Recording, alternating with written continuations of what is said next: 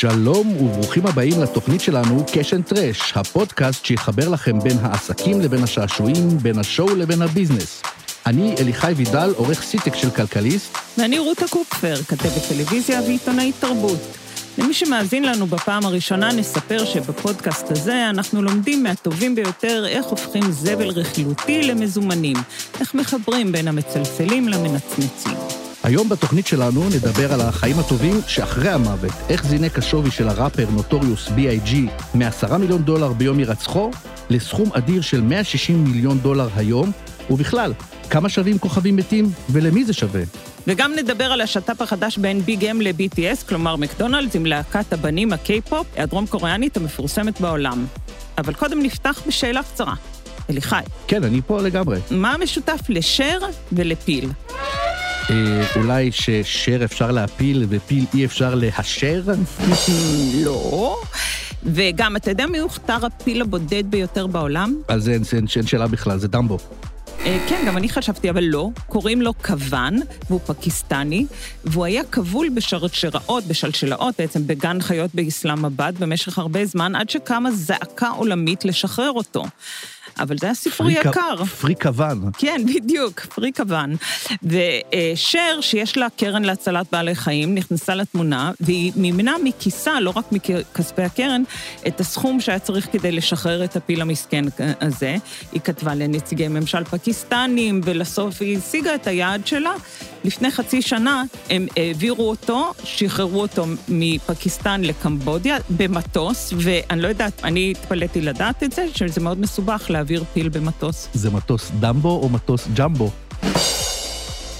נכון, אם היה דמבו, לא היה צריך מטוס בכלל. אבל uh, בקיצור, זה סיפור טוב, סוף טוב, uh, של גם סלבריטאות וגם uh, הצלת בעלי חיים, וגם, גם אם דאגת לרגע, אז גם עושים על זה סרט, סרט תיעודי, ממש יוצא עכשיו, ונקרא שר והפיל הבודד ביותר בעולם. טוב, אבל את התחלת עם חידות, אז אני גם אחוד לחידה, ואחת בסגנון השעשועון ג'פרדי. אוי, אני אוהבת. מוכנה? כן. אוקיי.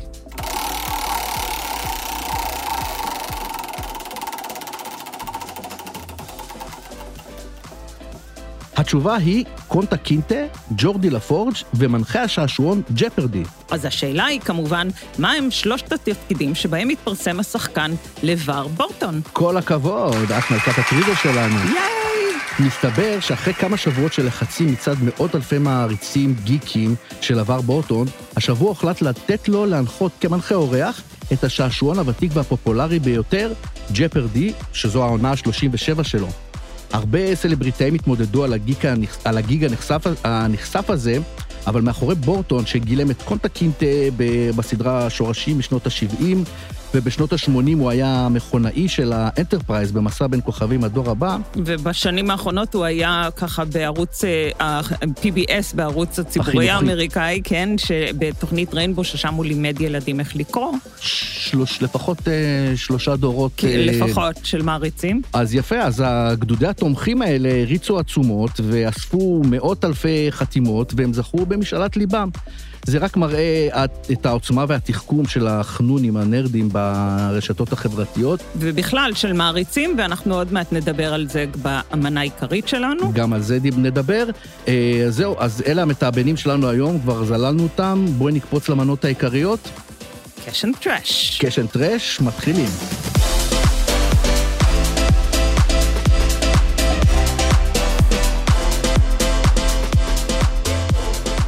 אז אם כבר דיברנו על זלילה, הגיוני שנמשיך עם רשת למזון מהיר, כלומר הרשת, מקדונלד. הרשת. אה, אה, זו ממשיכה עם השת"פים שלה עם סלבריטאים, והמיוחד הפעם שמדובר בלהקה דרום-קוריאנית, להקת הקיי-פופ הזאת. K-pop, K-pop. הש, השם הזה של הז'אנר, קיי-פופ, תמיד מזכיר לי מזון תעשייתי, Pop-Tart. את מכירה את זה שמכניסים לה טוסטר וקופץ, פופ, מלא, אבל זה מלא סוכר וצבעי מאכל וחומרי טעם וריח מפוקפקים ופחמימות ריקות. בקיצור, זה מה שאנחנו אוהבים, זה להיט בטוח, לא? כן, אבל האמת, רעיון נהדר, חבל ששפכת אותו עכשיו ובזבזת אותו על הפודקאסט שלנו, במקום למכור אותו במיליונים. בכל פרק שלנו, של התוכנית שלנו, את אומרת לי שיש לי איזה רעיון של כמה מיליונים שאני זורק אותו בחינם. בוא נעשה, בוא נעשה חישוב מחדש. בוא נחשב מחדש.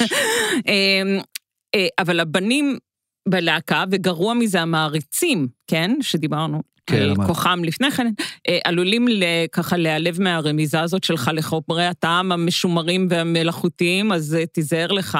עוד מעט אנחנו אה, נדבר קצת גם על זה, אבל קודם על הלהקה. כן. אה, זאת להקת הקיי-פופ, כמו שאמרנו, הגדולה ביותר כעת. היא להקת בנים עם שבעה חברים. ראשי התיבות של הלהקה, הם ראשי תיבות BTS של המילים בנקטן סוני אונדן, אה, יסלחו לי המעריצים הקוריאנים שלנו אם אני ביטאתי את זה לא נכון, אני חושבת שהמשמעות של זה זה הצופים, כלומר boy scouts, חסיני כדורים. גם יפים וגם אה, חסינים. הם יפים בהחלט. הלהקה כבשה את תעשיית המוזיקה בסערה, כשהיא שוברת שיא אחרי שיא.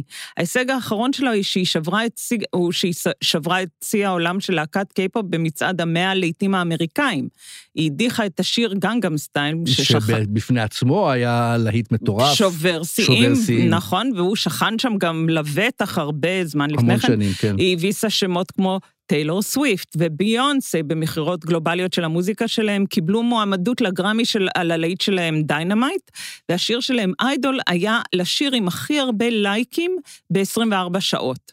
בקיצור, ל-BTS יש 34.5 מיליון עוקבים בטוויטר, 40 מיליון באינסטגרם ו-31.8 מיליון בטיקטוק. 31 מיליון בטיקטוק זה מאוד חשוב. כן, עכשיו, הם, אז כמו שאמרנו לפני כן, העוקבים הם מעריצים שרופים, הם ממש צבא, ויש להם גם נשק.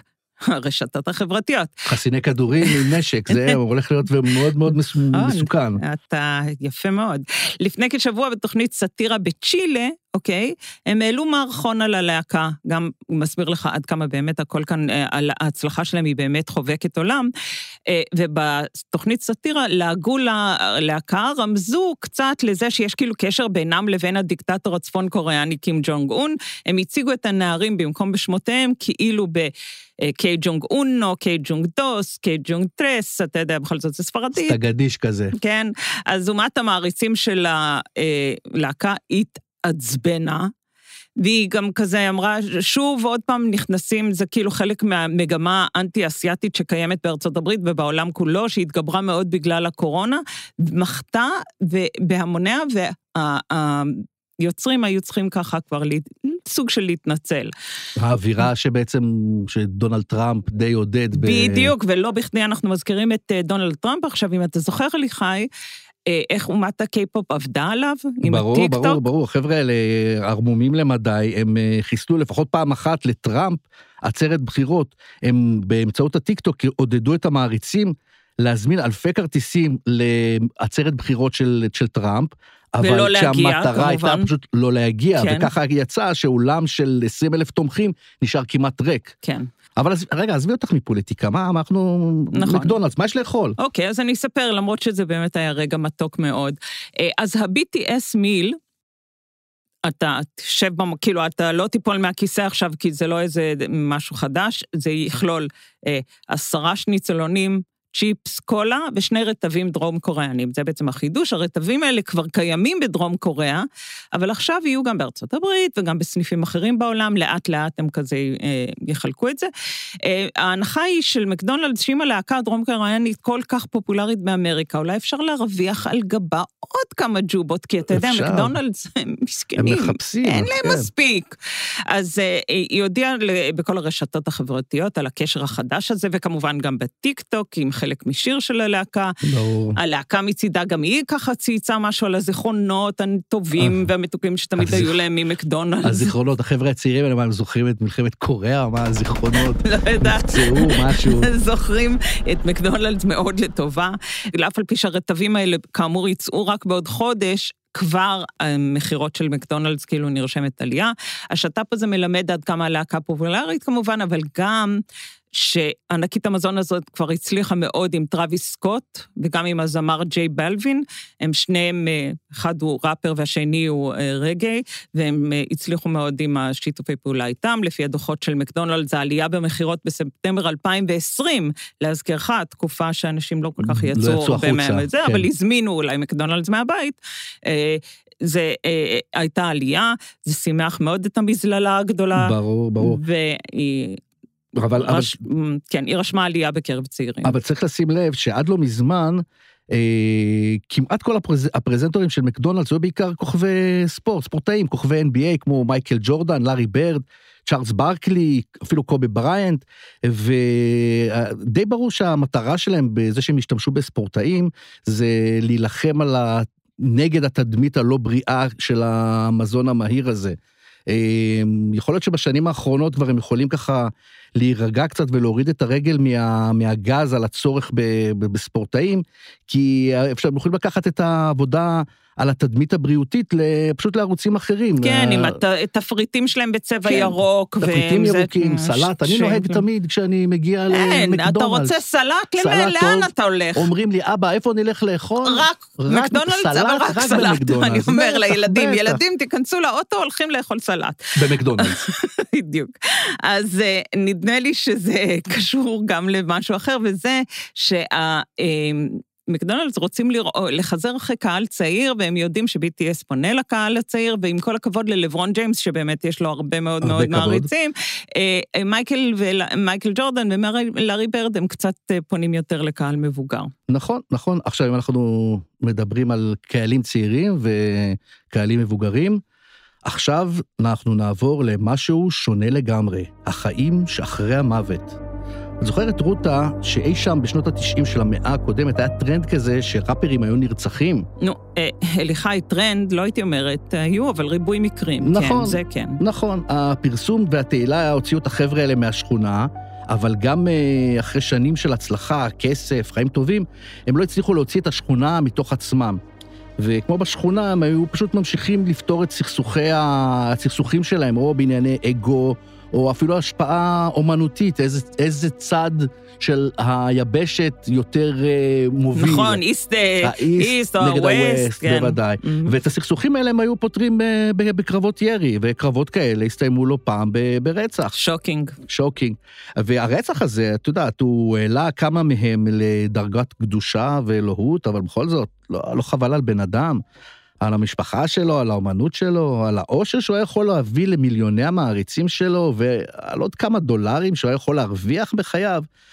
ומסתבר שלפחות אחד מהראפרים האלה, דווקא הקטע של אה, להירצח היה מודל עסקי לא רע בכלל. אה, אליחי. מה? זה קצת ציני. לא, לא, זה בכלל לא ציני, ותכף אני אסביר לך גם למה זאת לא ציניות. Uh, השבוע נודע שאימו, שהאימא של uh, הראפר נוטוריוס B.I.G, או ביגי, או ביגי סמולס. אנחנו קוראים לו ביגי. ביגי, כן. ביגי סמולס, שהוא נרצח בלוס אנג'לס בשנת 97, אה, אימא שלו הגיעה סוף סוף להסכם עם חברה, שתטפל בעיזבון האומנותי שלו, שמוערך היום ב-160 מיליון דולר. כן, ביגי הוא נחשב לאחד הראפרים הגדולים בהיסטוריה, למרות שהוא היה רק בן 24 במותו, ובסך הכל הספיק להוציא שני אלבומים בלבד. אמרת לי מקודם שאני קצת ציני, אז תשימי לב לשמות של שני האלבומים שלו. הראשון היה Ready to Die, והשני, שבעצם היה האחרון ויצא לאור כמה ימים אחרי מותו, נקרא Life After Death. כלומר, הוא מחשב, הוא, חישב את קיצו לאחור, המוות והרציחות היו חלק בלתי נפרד מהחיים של הראפרים האלה. נכון, אבל עדיין לקרוא לזה מודל עסקי... כן, הם, הם הלכו על הכל, גם על כסף וגם על האלימות והעוצמה והכוח. אלה, זה, זה, זה היה החיים שלהם, ועל זה בדיוק היצירות שלהם. יצירות הראפ דיברו על, על, על החיים הקשים בשכונה, על הכסף לאחר מכן, וכמובן על הסכסוכים ועל הרציחות שם. אמ, ביום, בשנת 97, מיד... אה, Write about what you know, נכון? זה, זאת תמיד העצה שקוראים כן. לתסריטאים ולכותבים בכלל. בדיוק. וב-97, לאחר אה, מותו, השווי שלו הוערך, של ביגי הוערך בעשרה מיליון דולר. וזה לא כלל את אה, ההכנסות שלו מעסקי הסמים, שגם בהם הוא היה ידוע. ואני בטוחה שגם על ההכנסות האלה הוא שילם אה, מיסים. ו... לזה, כן, לזה היית, היו להם אה, רואי חשבון נפרדים, שהם עשו טקס deduction מה... הלבינו לו אותם. הלבינו לו אותם. ואימא שלו, וולטה וואלאס, אחרי שהוא מת, השתלטה פשוט על כל העניינים הכספיים שלו. עוד לפני זה היא הייתה מאוד מעורבת בקריירה שלו, אבל גם אחרי מותו היא הצליחה לנהל אותם באופן מאוד אה, מחושב ומדויק, והיא הייתה שותפה לכל המיזמים שהתגלגלו סביב המוזיקה שלו. אה, ופיתחה את המותג אה, שנקרא נוטוריוס B.I.G, ועם עם, עם הכנסות יפות מ merchandising עד היום. וככה חלפו להם 24 שנים, וההכנסות המשיכו לזרום ולצמוח, והמותג נוטוריוס B.I.G הלך ותפח וזינק מ-10 מיליון דולר לפני פחות מ-25 שנה ל-160 מיליון דולר היום. אז, אז האימא אחראית לכל זה, כן, היא טיפלה בזה. אימא שלו ליוותה ממש, היא הייתה, הייתה משהו מאוד מאוד אה, חזק בחיים שלו ובעסקים שלו.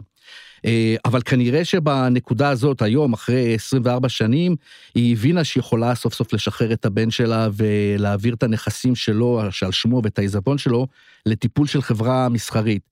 ומי שלקח על עצמו את ההזדמנות, לקח על עצמו, בטח קיבל בשמחה רבה, את ההזדמנות הזאת היא סוכנות האומנים הגדולה והמפורסמת בעולם, WME, ויליאם מוריס אנדבור. וכאן אני רוצה לפתוח סוגריים גדולים, כי שווה להתעכב טיפה על החברה הזאת. WME היא מיזוג של שתי סוכנויות אומנים הגדול, מהגדולות בעולם, אחת, הוותיקה ביותר בהוליווד, ויליאם מוריס, היא נוסדה כבר ב-1893. כן, היא הכי מפורסמת הכי שיש. מפורסמת, והיא ייצגה אמנים כמו צ'רלי צ'פלין, מרלין מונרו, אלביס פרסלי. והשנייה, אנדיבור, אנדבור, היא אחת מהיוקרתיות ביותר בתעשייה, ויש לה כוכבים כמו בן אפלק ומט דיימון, ו... אגב, ואחד המייסדים של אנדבור, כן, ארי עמנואל, שהוא גם אחיו, אחיו. של רם עמנואל, שהוא ראש בדיוק. עיריית אה, שיקגו, והוא היה גם היועץ, הוא היה... אובמה. של אובמה. אז הוא... הוא השראה לדמות של סוכן השחקנים ארי גולד בסדרה הפמליה. נכון מאוד, נכון מאוד. לפני כמה שנים שתי הענקיות האלה התמזגו, זה היה קצת לחץ של, אה, של אנדבור. אה, ממה שלמדתי בימים האחרונים, אה, הם התמזגו לחברה אחת, ובתוך הגוף הענק הזה, הם טיפחו חברה בת שמתמחה אך ורק בטיפול בעזבונות של אומנים מתים. אה, החברה הבת הזאת נקראת Legend, Legend, אגדות, והיא מחזיקה בנכסים של מאות, מאות אומנים, והגדולים בהם זה ארתה קיט, אנדי קאופמן הקומיקאי, אמ, ומצד שני, וויליאם מוריס הביאו את אה, העזבונות של סופרים נודעים כמו סקוט פיטג'רלד ואייזק אסימוב. כן, כאמור, הם נמצאים בסביבה הרבה זמן. הרבה זמן, ולא רק שהם אה, הרבה זמן, הם גם אה, עסק פעיל ומשתלם מאוד. ניקח למשל את אחד האומנים ה... הלא אחד, האומן הפעיל ביותר, המת הפעיל ביותר, זה כמובן אה, מייקל ג'קסון, שהשאיר אחריו לא רק נכסים פיזיים ואלפי קטעים מוזיקליים, אה, אלא גם מותג עוצמתי ואלמותי. שלמרות ועל אף כל ה... כן, זה באמת מפתיע, כי אתה יודע, בגלל הסרט התיעודי הזה שהראה אותו, וכל ההתפתחויות המשפטיות, אתה אומר, מי ירצה אותו ממש כמותג? מי ישתמש ב... עדיין, בכל מקום את, את רואה את זה, ממשיכים ל, ל, להשתמש במוזיקה שלו, ב, ב, בדמות שלו, באייקון, הוא כל כן. כך אייקוני, אי אפשר, ויש קהילות אדירות שהן פשוט כן, ממשיכות... כן, הם גם אומרים שזה, הם לא מאמינים למה שאומרים לא, עליו. וגם אלה שמאמינים אומרים, עזבו בצד את המוזיקה, כן, זה הוויכוח. המוזיקה בצד כן. והבן אדם. האומנות כן. בצד והבן כן. אדם בצד השני. אמ, ודרך אגב, יש, יש ממש... אה, אה, ג'קסון לא לבד? ג'קסון לא לבד, ויש אה, אומנים רבים כמו אלוויס פרסלי שממשיך לייצר בימינו, למרות עזב אותנו, עזב את הבניין לפני הרבה שנים. היום הוא מייצר כל שנה 23 מיליון דולר. אה, זה בעיקר מהמוזיקה שלו, אבל גם הביקורים באחוזת גרייסלנד שעל שמו, כן? ובוב מרלי שווה היום 14 מיליון דולר, וג'ון לנון גם כן באותה שכונה. לשנה. לשנה, עדיין. כל שנה רויאלטיז מקבלים מזכויות. זכויות היוצרים על, על השימוש במוזיקה שלהם, באי, באייקוניות שלהם, במיתוג שלהם בעצם. אה, למשל, זמר פרינס, שהיום שווה רק, אך ורק עשרה מיליון דולר, אה, כנראה זה בגלל שהוא לא השאיר צוואה לפני מותו, הוא מת בפתאומיות, הוא לא השאיר צוואה, וסביר... למרות שהוא היה בן 50, כן. שלא כמו ביגי שהיה בן 24. הוא לא ציפה שיראו ברחוב באיזה קרב, אמ, ועדיין אף אחד לא מטפל ממש בעיזבון שלו, שהוא כולל טונות של אה, קטעי מוזיקה מדהימים, אני בטוח. ובעצם מה שהעשרה מיליון דולר האלה זה בעצם רויאלטיז של, של דברים שהוא יצר. אמ, אבל כדאי להגיד כאן שהסיפור של השווי של ביגי, הוא יחסית די, די מיוחד, גם בגלל ההצלחה שלו בחייו, עוד בחייו הוא כבר היה מפיק ידוע ו- וזמר אהוד מאוד בקרב קהילת הראפרים, וגם בזכות הפעלתנות של אמו. אבל אה, אם משווים אותו למשל למה שקרה לנכסיו של טופק, טופק שקור, אה, הראפר המפורסם ביותר, אה, שגם הוא נרצח בדמי ימיו כמה שנים לפני ביגי, וגם באותו גיל בערך, בן 25, והוא השאיר מאחוריו מורשת אומנותית הרבה יותר ענפה מביגי, ו... אבל בכל זאת המקרה שלו לא התגלגל לכיוון הכל כך מוצלח כמו, כמו של ביגי. הוא השאיר אחריו, טופק השאיר אחריו נכסים בשווי של פחות ממיליון דולר, ולא היה מי שכל כך ינהל אותם. הוא לא הספיק להתחתן, אימא שלו הייתה מכורה לסמים ובקושי הצליחה לנהל את עצמה.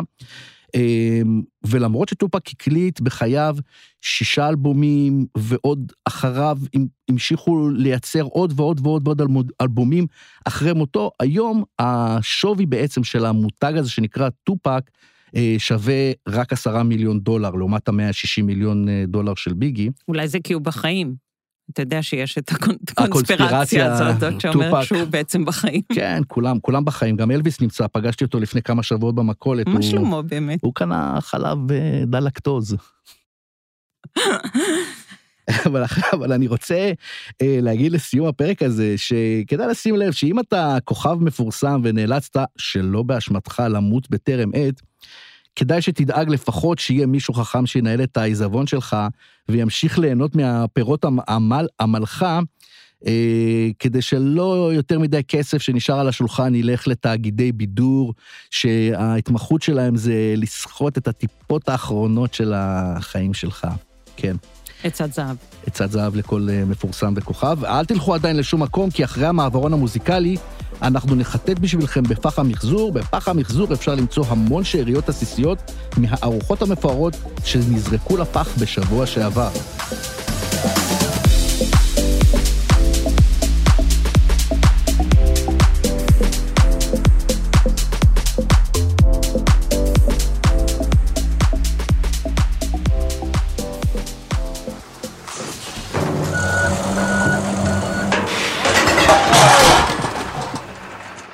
אז באיחוד המתוכנן השנה של חברים, אתה יודע, מדברים על זה, מקדמים את זה, כן. מה זה מדברים? אפילו בארץ נהדרת נתנו להם אה, יופי של קטע. נכון, אז הוא יעלה בשירות הסטרימינג של HBO שנקרא HBO Max, אז תהיה הופעת אורח, לפחות אחת, כן, של לא אחר מאשר ג'סטין ביבר. מה עם ג'סטין ביבר באמת? באמת הוא יקבל על ה... אה, הביקור הקטן שלו על הסט, וגם אתה לא יודע איך הוא יופיע, יקבל איזה סכום, סכום לא מבוטל, אבל גם סכום לא מוסגר, לא מגלים לנו כמה הוא הולך לקבל, והוא יופיע בתחפושת של הספודניק, אתה זוכר שרוס פעם לבש את זה? כן, את הדבר הכי משפיל, הכי גיקי, הכי חנוני שיש, אז הוא יופיע ככה, והוא כמובן שמח על תרומתו הצנועה. ג'סטין ביבר יכול להרשות לעצמו. יכול, הוא מספיק קול בשביל... בטח. הוא, כן, אתה זוכר את השיר שהיה I'm too sexy for my shirt? בדיוק. אז הוא לא, הוא סקסי enough בשביל הספודניק. להכל. כן.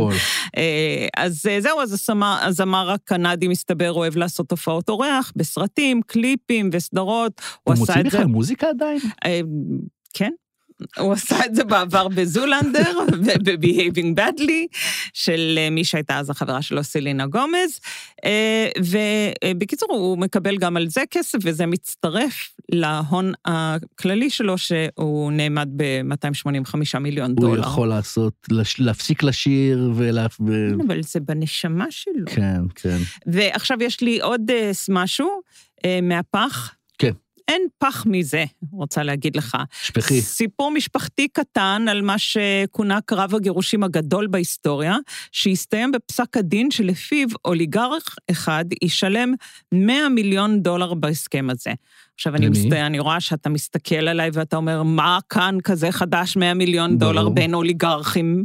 כסף ש... קטן. כן, אלא שכאן, מי שמשלם את זה, זה אדם לאימא שלו. ולמה? הוא מתגרש והוא משלם לאימא שלו. לא, הוא מתגרש... אבא שלו התגרש מאימא שלו, והוא בן האוליגרכים הזה, הבנתי. משלם לאימא שלו 100 מיליון דולר, ולמה? משום שהוא עזר לאבא שלו להסתיר נכסים כמו אה, יאכטה, מהמם.